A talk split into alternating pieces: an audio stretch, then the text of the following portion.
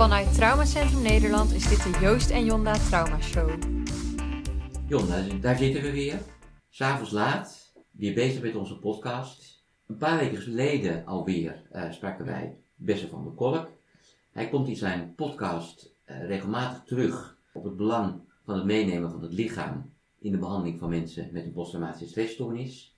Dat is voor ons aanleiding geweest om vandaag Carrie van Gils te interviewen, lichaamswerker bij Traumacentrum Nederland, die ons meer kan vertellen over het lijf in de behandeling voor mensen met een posttraumatische stressstoornis.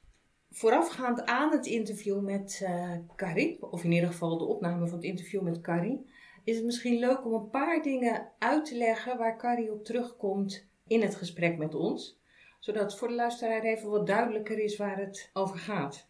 Een van de dingen waar ik Carrie uh, kort op terugkom, maar waarvan ik denk dat het goed is om die wat beter uit te leggen, is de fight, flight, freeze respons. Uh Kan jij ons uitleggen, Jonna, wat dat eigenlijk is? Ja, de fight, flight en freeze respons in het Nederlands vechten, uh, vluchten of bevriezen zijn eigenlijk de reacties die wij kunnen laten zien op het moment dat we iets naarschokkends of vervelends meemaken.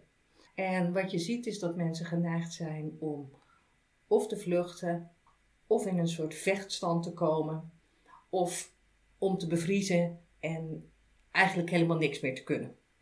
Maar waarom het belangrijk is om dat even hier te noemen, is omdat je in de behandeling vaak ziet dat als het gaat over de trauma's die mensen hebben meegemaakt, dat diezelfde reacties, die vecht, vlucht of uh, reacties, dat je die ook weer hier terugziet.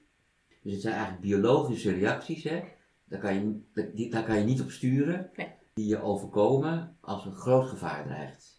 Ja, en we kennen het eigenlijk allemaal wel, hè? dat als je heel erg schrikt, dat je dan zo eventjes verstijft, zeg maar. Nou, dat is, dat is eigenlijk een mini-freeze reactie, zeg maar, die je kan hebben. En dat je daarna bijvoorbeeld heel snel omkijkt van, goh, wat is er aan de hand? Nou, dat is eigenlijk een hele uh, een alertheidsreactie. Die ons allemaal overkomt. Nou zie ik bij cliënten die vreselijke dingen hebben meegemaakt, uh, vaak ook dat ze hyperalert zijn. En ze zeggen dan tegen mij, uh, Joost, ik heb het gevoel dat ik altijd aansta en alles opmerk. Geen dwarrelend, dwarrelend blaadje gaat aan me voorbij. Is dat dan ook uh, een biologische reactie? Ja, in principe wel. Als je, als je echt heel veel narigheid hebt meegemaakt, dan uh, blijft het lichaam een beetje in de stand staan van oh jee, oh jee, oh jee, als er maar niet weer iets gaat gebeuren. En omdat het lichaam in die stand blijft staan, blijven er dus ook voortdurend zeg maar, de voelsprietjes uitstaan. En blijven mensen voortdurend alert op dreigend gevaar. Wat er gelukkig meestal niet is. Maar ja, dat weet het lichaam niet. Wat je ziet is mensen wantrouwend worden richting hun omgeving. En ook richting mensen hè, die ze eh, ontmoeten. Uh, daarbij dus hyperalert zijn. Ja, en je ziet ook heel vaak uh, dat mensen heel erg schrikachtig zijn bijvoorbeeld. Hè? Dat, uh, dat een klein geluidje al een enorme schrikreactie teweeg kan brengen. Ja, daar moeten we de deur ook zachtjes dicht doen hè, in het uh, traumacentrum. Ja, en heeft, hebben cliënten vaak echt een hekel aan mijn cowboy boots, omdat ik altijd zo stamp over de vloer. Oh ja. Krijg ik altijd veel over te horen. En Joost, hoe komen die fight, flight en freeze reacties nou eigenlijk terug in de behandeling? Als cliënten geconfronteerd worden met wat ze hebben meegemaakt in de behandeling, dat is natuurlijk een belangrijk onderdeel van de behandeling, zie je dat die reacties ook weer optreden. Vaak uh, komen de cliënten uh, ten tijde wat hun is overkomen, bijvoorbeeld seksueel misbruik, uh, maar dat kan ook bijvoorbeeld een overval zijn of iets anders, konden ze die reacties die ze biologisch hadden, konden ze niet afmaken. Dus ze wilden wel vluchten, maar dat kon niet.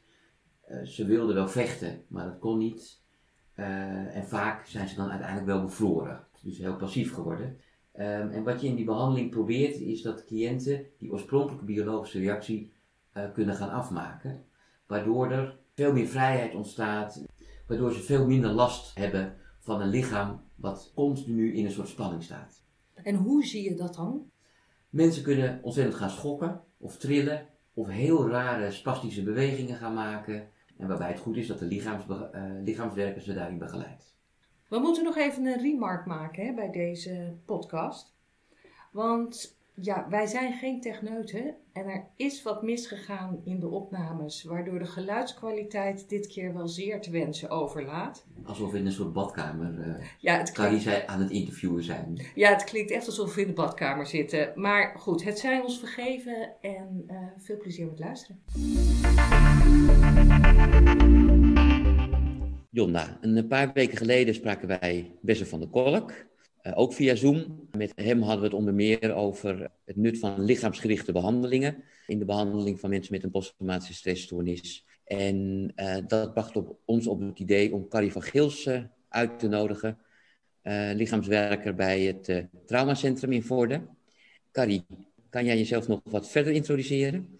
Ja, Joost, dankjewel. Ja, zo, zoals je zei, ik ben lichaamsgewichttherapeut bij het Traumacentrum Nederland. Dat doe ik eigenlijk al van het begin af aan. Het Traumacentrum staat nu twee jaar en ik ben in die twee jaar uh, bij betrokken. En daarvoor had ik een, uh, werkte ik al 15 jaar als zelfstandige in mijn eigen praktijk in, uh, met, met lichaamswerk. En dan lichaamswerk eigenlijk in de breedste zin van het woord. Dus niet alleen gericht op trauma, maar ook sessies met mensen die zeiden van joh, ik zit wel heel veel in mijn hoofd. Ik wil af en toe gewoon eens heel bewust uh, naar mijn lichaam gaan. Ik uh, loop al vast, want ik denk al meteen, Carrie, wat moet ik überhaupt verstaan onder een lichaamsgericht therapeut? Ja, ja, dan snap ik dat je daar vastloopt, want het is een heel breed begrip, dat lichaamswerk of lichaamsgericht therapie. Eigenlijk kan je, als je kijkt naar wat valt nou allemaal onder lichaamswerk, dat zijn eigenlijk al die ja, hoeven niet eens therapieën te zijn, maar alle behandelingen, uh, therapieën die het lichaam als insteek nemen. dus de focus daarbij ligt in eerste instantie op wat gebeurt er bij iemand in het lijf. En dat is, dat is natuurlijk heel breed. Ik bedoel, acupunctuur valt ook onder lichaamswerk, fysiotherapie. Uh, zelf ben ik uh, rebalancer, met daarbij nog bijgeschoold in het effect van trauma op het lichaam lichaamswerk is echt een beetje paraplu begrip. Daar valt heel veel onder. Maar de kern, de kern is dat ze het lichaam nemen als insteek. En wat betekent dan lichaamsgericht werken in de context van een traumacentrum? Ja, lichaamsgericht werken in context van traumacentrum is dat we kijken wat is nou de impact van de traumatische gebeurtenissen geweest op het lichaam in het hier en nu. Heel veel mensen die traumatische gebeurtenissen hebben meegemaakt, hebben daar in het hier en nu nog last van. Ja, soms is het zelfs zo dat we denken, ik heb al heel veel traumaverwerking gedaan, wat dan wat meer gericht is geweest op cognitief, op het hoofd. En dat er zeg maar, mijn lijf reageert nog steeds op een manier die ik ja, eigenlijk niet snap of niet helemaal passend is. Uh, en dan nemen we in, in uh, um, lichaamsgerichte therapie, zeg maar, in de, in de sessies in het traumacentrum, gaan we dus kijken, maar wat is dan de impact daarvan op het lichaam? Is een lichaam continu hoog in spanning? Bevriest iemand in zijn lijf? Is iemand heel alert, wat we natuurlijk heel vaak tegenkomen? Dat zo'n lichaam eigenlijk nog maar een, een, deur dicht te slaan ergens, of, hè, of iemand reageert al. En, en dan, hoe kom je daaraan voorbij? Carrie, uh, beseffen de cliënten die wij zien, hè, dat zijn mensen die vaak langdurig seksueel misbruikt zijn, of uh, militairen die in de oorlog heel veel nare dingen hebben meegemaakt, beseffen die dat er ook zoveel in hun lichaam gebeurt? Nee, nou, weet je, het is juist vaak beseffen zich wel. Hè, ze voelen natuurlijk wel dat er heel veel in hun lichaam gebeurt. Maar ze leggen niet automatisch de link naar dat dat te maken heeft met hè, wat ze ooit hebben meegemaakt, met de traumatische ervaring. En dus ze zijn, zich vaak wel bewust van, van hè, vooral als het gaat om heel veel fysieke klachten. In het geval van conversie bijvoorbeeld, hè, dat, dat benen op, het opeens niet meer doen zonder dat daar nou duidelijk aanwijsbare uh, reden voor is dat beseffen ze zich natuurlijk wel. Uh, chronische hoofdpijnklachten, darmklachten. Maar dat het een link heeft met wat ze ooit is overkomen, die wordt niet altijd gemaakt, nee. Hey, je hebt het ook over conversie, hè? Misschien is het goed om dat even uit te leggen voor de luisteraars. Nee, wat, wat we vaak zien, um, is dat, dat inderdaad soms een deel van het lichaam, ja, ik noem het maar even, niet meer meedoet. Hè? Dus niet meer aangestuurd wordt. En dat, dat, komt veel voor in benen, maar soms ook in spraak. Dat, dat, dat iemand opeens zijn spraak kwijt is of alleen nog maar heel moeilijk kan praten. Terwijl daar medisch gezien geen, eigenlijk geen aanwijsbare reden voor is. Hey, en kan jij een voorbeeld noemen van hè, hoe dat dan samen kan hangen met iets wat iemand heeft meegemaakt? Waarom doen die benen het dan plotseling niet meer bijvoorbeeld? Eigenlijk is alles wat we meemaken wat we op het moment zelf niet verwerkt krijgen, omdat de impact ervan zo groot is, of dat er over een langere periode er dingen gebeuren die we gewoon niet verwerkt krijgen, um, die slaan op in het lichaam. En die, dit is niet dat die op een wonderbaarlijke manier dan uit het lichaam verdwijnen, maar die, die, die komen eigenlijk gewoon echt in onze lichaamcellen terecht. En vervolgens gaat ons lichaam gaat ons daar ook nog tegen, tegen beschermen. Dus, dus ook op de momenten zelf, het is heel vaak dat mensen uh, in geval van seksueel uh, geweld, seksueel misbruik bijvoorbeeld, ook zeggen van ja, wat, wat raar dat ik op dat moment helemaal niks kon, kon doen. Ja, dat komt omdat het lichaam je gaat beschermen tegen wat er, wat er op zo'n moment gebeurt.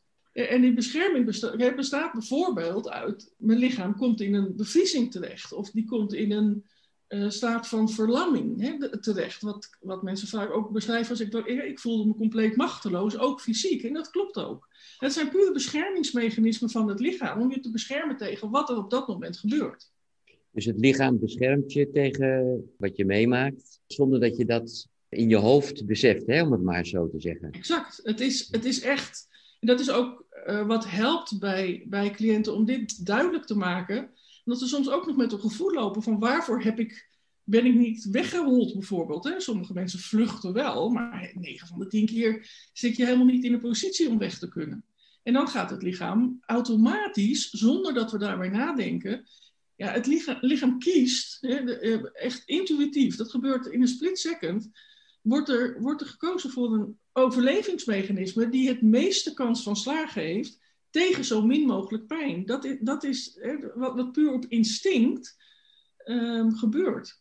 En dat is dan vaak ja, de bevriezing, uh, de verlammingsverschijnselen.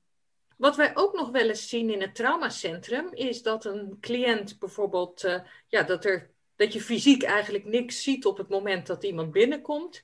En iemand is een paar dagen in behandeling en uh, die is bijvoorbeeld enorm aan het trillen of gaat allerlei ongecontroleerde bewegingen maken of op andere manier uh, geeft het lichaam uiting aan van alles en nog wat. En daar dan, ja, ik zou bijna zeggen, cliënten schrikken daar dan natuurlijk van. Ja. En hoe, hoe zit dat? Wat, wat is dat dan? Ja, wat, wat er gebeurt op het moment dat cliënten aan, aan het verwerken gaan, en bijvoorbeeld met EMDR weer naar, naar beelden toe gaan, dan gaat het lichaam, het lichaam gaat daarop reageren. Ons lijf heeft, heeft geheugen. dus het, het, zit er, het zit er nog in. Dus op het moment dat een cliënt in verwerking komt, uh, gaat, het, gaat het lichaam gaat reageren op wat er op dat moment weer vrijgegeven wordt. En dat is ook wat we in sessies soms doen, is juist dit proces helpen. Want je wil ook dat het lichaam ook het trauma weer kan gaan verwerken. En dat kan gepaard gaan met dat mensen op dat moment inderdaad pas in een soort van verlammingsverschijnselen terecht gaan komen. Of uh, inderdaad in, in, in, in, in, een ontzettende spanning. Uh, waar, waar, wat je, waar ze ge, geen zeg maar, last van hadden op het moment dat ze binnenkwamen. En eigenlijk, ja, het, het voelt altijd heel naar. want het zijn natuurlijk hele nare gevoelens waar ze weer mee in aanraking komen. Maar eigenlijk is het goed dat het gebeurt. En vaak kan trillen bijvoorbeeld ook nog zijn hè, dat het lichaam bezig is om jouw spanning af te voeren. Dat de span het spanning juist vrijgezet wordt en dan gaat een lichaam, ja, dat vraagt eigenlijk: oké, ik ben dit nu aan het voelen. Het goede nieuws is, ze, op dat moment kunnen ze het ook voelen. Wat ze toen niet hebben kunnen voelen, kunnen ze nu weer gaan voelen. En het lichaam vraagt eigenlijk van, maar waar, waar ga ik er nu mee naartoe? Ik moet het ergens kwijt. Zeg je dan, Carrie, vaak kunnen mensen natuurlijk niet doen wat ze zouden willen doen. Hè? Dat is vechten of inderdaad wegvluchten. Maar soms, dat gaat in de, in de meeste gevallen helemaal niet. Nee. Zeg je dan van nou, ik help mensen dan ook om uh, dat uiteindelijk nog wel te kunnen gaan doen. Dat de energie die daarvan opgeslagen zit in het lijf en allerlei klachten geeft, om die op een of andere manier ervoor te zorgen dat die vrijkomt? Ja, dat kan, dat kan behulpzaam zijn. Dat geldt niet voor iedereen, maar dat kan inderdaad heel behulpzaam zijn in het proces van iemand. Uh, is dat inderdaad, je zegt nou, dat die, die energie die nog opgeslagen zit in, in het, het, lichaam, wil dan eigenlijk dat wat het daar niet heeft gekund, alsnog doen. Oh, is dat dan wat jij noemt de beweging afmaken? Exact. Ja, en je ziet het bijvoorbeeld ook met uh, cliënten die dan de, eigenlijk automatisch de duwbeweging gaan maken. En dan soms denken van, wat ben ik nou, wat zijn mijn handen nou aan het doen? En dat gaan we dan ook voor, ja, ga het maar eens heel langzaam doen. Laat je handen maar eens heel langzaam doen wat ze nu willen doen. En voel maar, wat, wat willen ze dan? En dan is regelmatig dat ze zeggen, ah, ik wil de ander wegduwen. De ander moet gewoon weg. En om dat nog te kunnen maken, kan het uit het systeem. ondanks dat er op dat moment niks gebeurt wat weg moet, maar het zit zo nog opgeslagen in het lichaam dat het heel behulpzaam kan zijn dat ze voelen, oké, en nu kan ik dat, ik kan voelen wat er gebeurt ik, en ik kan inderdaad, wat wij noemen, de beweging nog afmaken. Ik snap dat ondertussen wel een beetje eigenlijk, maar, maar ik kan me wel voorstellen dat het in de oren van de luisteraars vaag klinkt. Is er ook een wetenschappelijk onderzoek naar, uh, naar, naar dit soort fenomenen, Carrie? Ja, dat, dat is met lichaamswerk inderdaad, uh, met, en lichaamswerk en trauma staat dat nog redelijk in de kinderschoenen. Jullie hebben natuurlijk ook Bessel van der Kolk gesproken. Uh, Bessel van der Kolk doet veel ook aan wetenschappelijk onderzoek. Ook van hoe zit nou de verhouding van hoe reageren de hersenen, hoe stuurt het, uh, het zenuwstelsel aan en wat is dan de reacties daarvan uh, op het lijf. Hetzelfde geldt voor Pieter Levine met somatic experiencing, die daar onderzoek naar heeft gedaan. en wat op het moment door veel gelezen wordt door lichaamsgerichte therapeuten, is de polyvagaaltheorie. En dus er, er komt steeds meer wetenschappelijk onderzoek waarin heel duidelijk wordt hoe dat samenspel tussen, tussen lichaam en geest, hoe dat werkt. En ook vooral ook de rol van, het, van ons autonome zenuwstelsel daarin. John, nou misschien is het uh, goed om te zeggen tegen de luisteraars dat somatic experiencing van Pieter Levine en uh, polyvagaaltherapie, dat we dat in volgende podcast laten terugkomen. Want het vraagt nog best wel wat uitleg, dus denk ik heel interessant, maar dat kunnen we niet allemaal in deze podcast eh, doen. Staan alle cliënten nou open voor zo'n benadering? Want ik kan me ook voorstellen dat cliënten denken van, nou, weet je, lichaamswerk, dat klinkt mij wat vaag. en dan hebben ze nog gelijk ook. Ik vind het altijd dat cliënten die komen, die komen binnen vaak al gewoon eerst met vragen. Zo van wat, ja, ik, ik word uitgenodigd voor, voor lichaamswerk, maar de drijfveer is, ze willen voorbij aan hun trauma. Dus wat we in het centrum vaak zien, wat ze aangeboden wordt, grijpen ze vaak met beide handen aan. Dus dan komen ze in ieder geval voor een eerste sessie. Maar zo'n eerste sessie besteden we natuurlijk wel altijd aandacht aan van ja, wat, waar hebben we het dan over? Dan hebben we het over dit soort dingen. En dan pik ik het 9 van de 10 keer heel snel op, want dit herkennen ze. Ze hebben allemaal fysiek klachten of ze lopen vast in intimiteit met hun partner of het knuffelen met hun kinderen of ze, ze herkennen het onmiddellijk. En dan is het mooie dat ze, daar beginnen we dan eens mee, dat ze eerst gewoon puur eens de link kunnen leggen van, ah, het is de vraag die je net stelde, herkennen ze die? En dan kan je ze langzaam meenemen naar het lichaam van, maar hoe kom je hier aan voorbij? Maar inderdaad, waar komen ze binnen? Echt van, ja, ik, ik heb geen idee, waar gaat dit over? Ja, en als ik erover nadenk, uh, Carrie, dan ook mensen die uh, eenmalig heel nare dingen hebben meegemaakt, hè, die, die voelen wel vaak zich heel gespannen overdag. Hè? Ja. En dat uitzicht natuurlijk ook door allerlei lichamelijke symptomen, klachten. Dus in die zin kan je het mensen natuurlijk ook best wel uitleggen. Precies.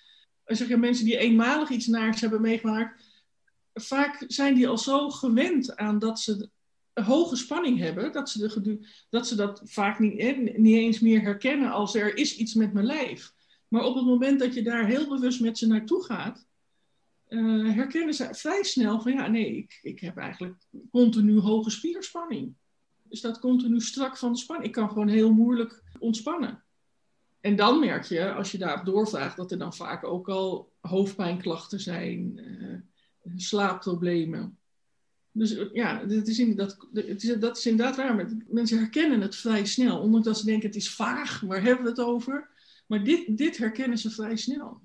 Hey, en dan uh, ga jij iemand uitnodigen voor lichaamswerk. Ja. En die komt dan mee in jouw spreekkamer. Ja. En dan gaat de deur dicht, denk ja. ja. ja, of open. Sommigen zeggen mag de deur open blijven. Nou, dat mag ook. Waarom vragen mensen dat dan, of de deur open mag blijven?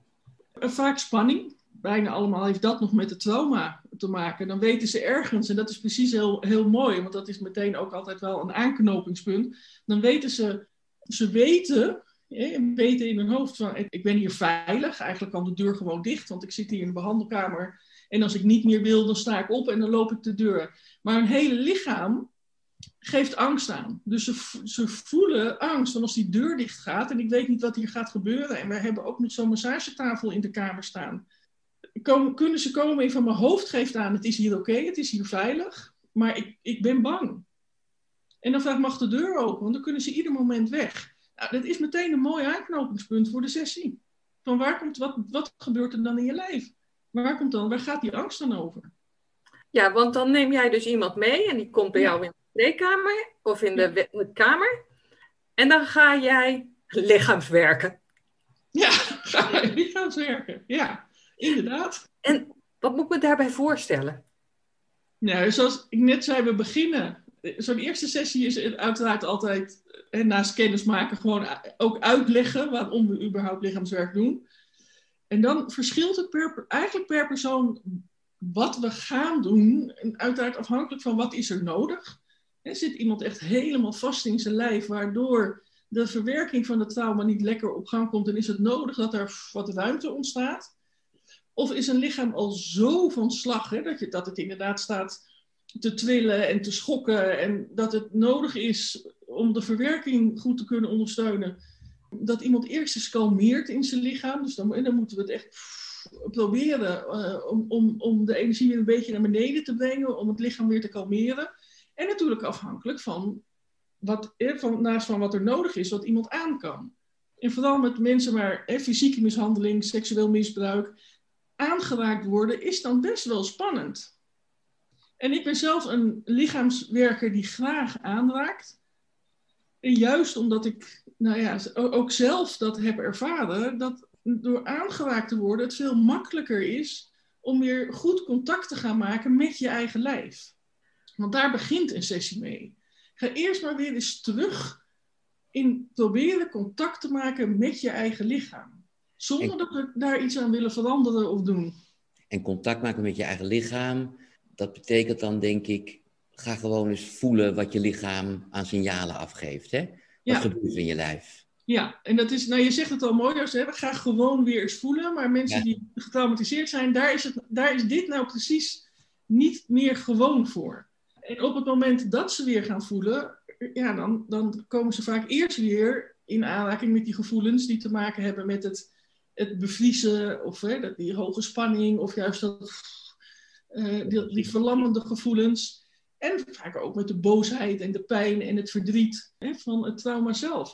Dus afhankelijk, Jondo, even, eh, wat je zegt van wat ga je dan doen? Afhankelijk van wat er nodig is en wat de cliënt zelf hè, aan kan, waar zit hij zelf, eh, gaan we, gebruiken we al dan niet de aanraking en andere methodes om iemand eerst inderdaad weer contact te gaan laten wat voel ik nou in mijn lijf? Wat gebeurt daar? Wat merk ik op? Jonda, ik denk dat het tijd is voor uh, de gouden vraag. De gouden vraag. Kari, we hebben weer uh, heel veel vragen van luisteraars binnengekregen. En we hebben de leukste, interessantste uitgezocht. En een van de vragen was om lichaamswerker te worden. Kan je dat nou gewoon leren of heb je daar een speciale gave voor nodig? Vind het een mooie vraag. En komt ook, wat je zei, mensen hebben vaak met lichaamswerk van waar gaat dit over? Hoe klinkt vaag, maar ik vind altijd, ik zeg altijd, het lichaam is alles behalve vaag, is juist heel concreet. Ja, ik denk dat het te leren is. Uh, het, het, is we, we, hebben, we hebben natuurlijk allemaal een lijf en we hebben ook allemaal gevoelens. Uh, alleen, en dat denk ik komt ook door de maatschappij waarin wij leven. Dat is er wel een die behoorlijk, en dat is in andere landen en culturen toch wel heel anders. Maar wij leven in een omgeving waarin er veel gevraagd wordt van ons hoofd. Kinderen zitten, zitten in de kleuterklas en krijgen een eerste CITO-toets. En vanaf dat moment gaat dat zo door. Dus wij zijn, wij zijn met z'n allen wel gewend om veel met ons hoofd te doen. De gave die je moet hebben is de gave om Nee, wat je net zei van gewoon, maar gewoon te willen voelen, ook in je lijf te willen leven. En, en dat, ja, dat, je moet dat, ik moet, ik zeg, ik moet vooral leuk vinden. En dat is niet meer zo, zomaar wat we binnen onze, binnen onze cultuur hebben.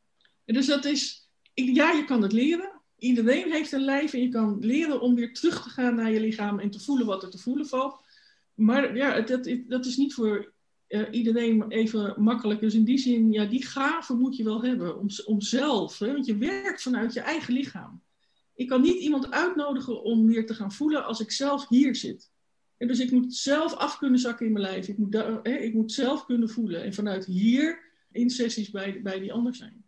Je zegt van goh, je moet zelf ook heel goed uh, de signalen van je eigen lijf snappen en kunnen voelen. Uh, ja, als je vooral zelf vanuit je hoofd dingen doet, ja. Dat kan natuurlijk en soms hebben mensen daar ook heel veel plezier in. Dan ben je minder geschikt als uh, lichaamsgericht therapeut. Ja. Nou, dan komen we gelijk uh, toch weer aan het eind van deze podcast. Dankjewel, Carrie. En Jonda, ik denk dat we vast een uh, vooruitkijkje moeten doen naar de volgende podcast. Weten wij al wie dan de gast gaat worden? Nou, we weten het nog niet 100% zeker, maar ik, genoeg om de aankondiging te doen. Want ik ga ervan uit dat de volgende gast Erik ten Broeke wordt, die uh, gespecialiseerd is in EMDR. Daar ook heel veel les in geeft. En uh, nou ja, een van de EMDR-mannen van Nederland wel is, durf ik te zeggen. En die gaat ons vertellen wat en hoe over EMDR. Je luisterde naar de Joost en Jonda Trauma Show.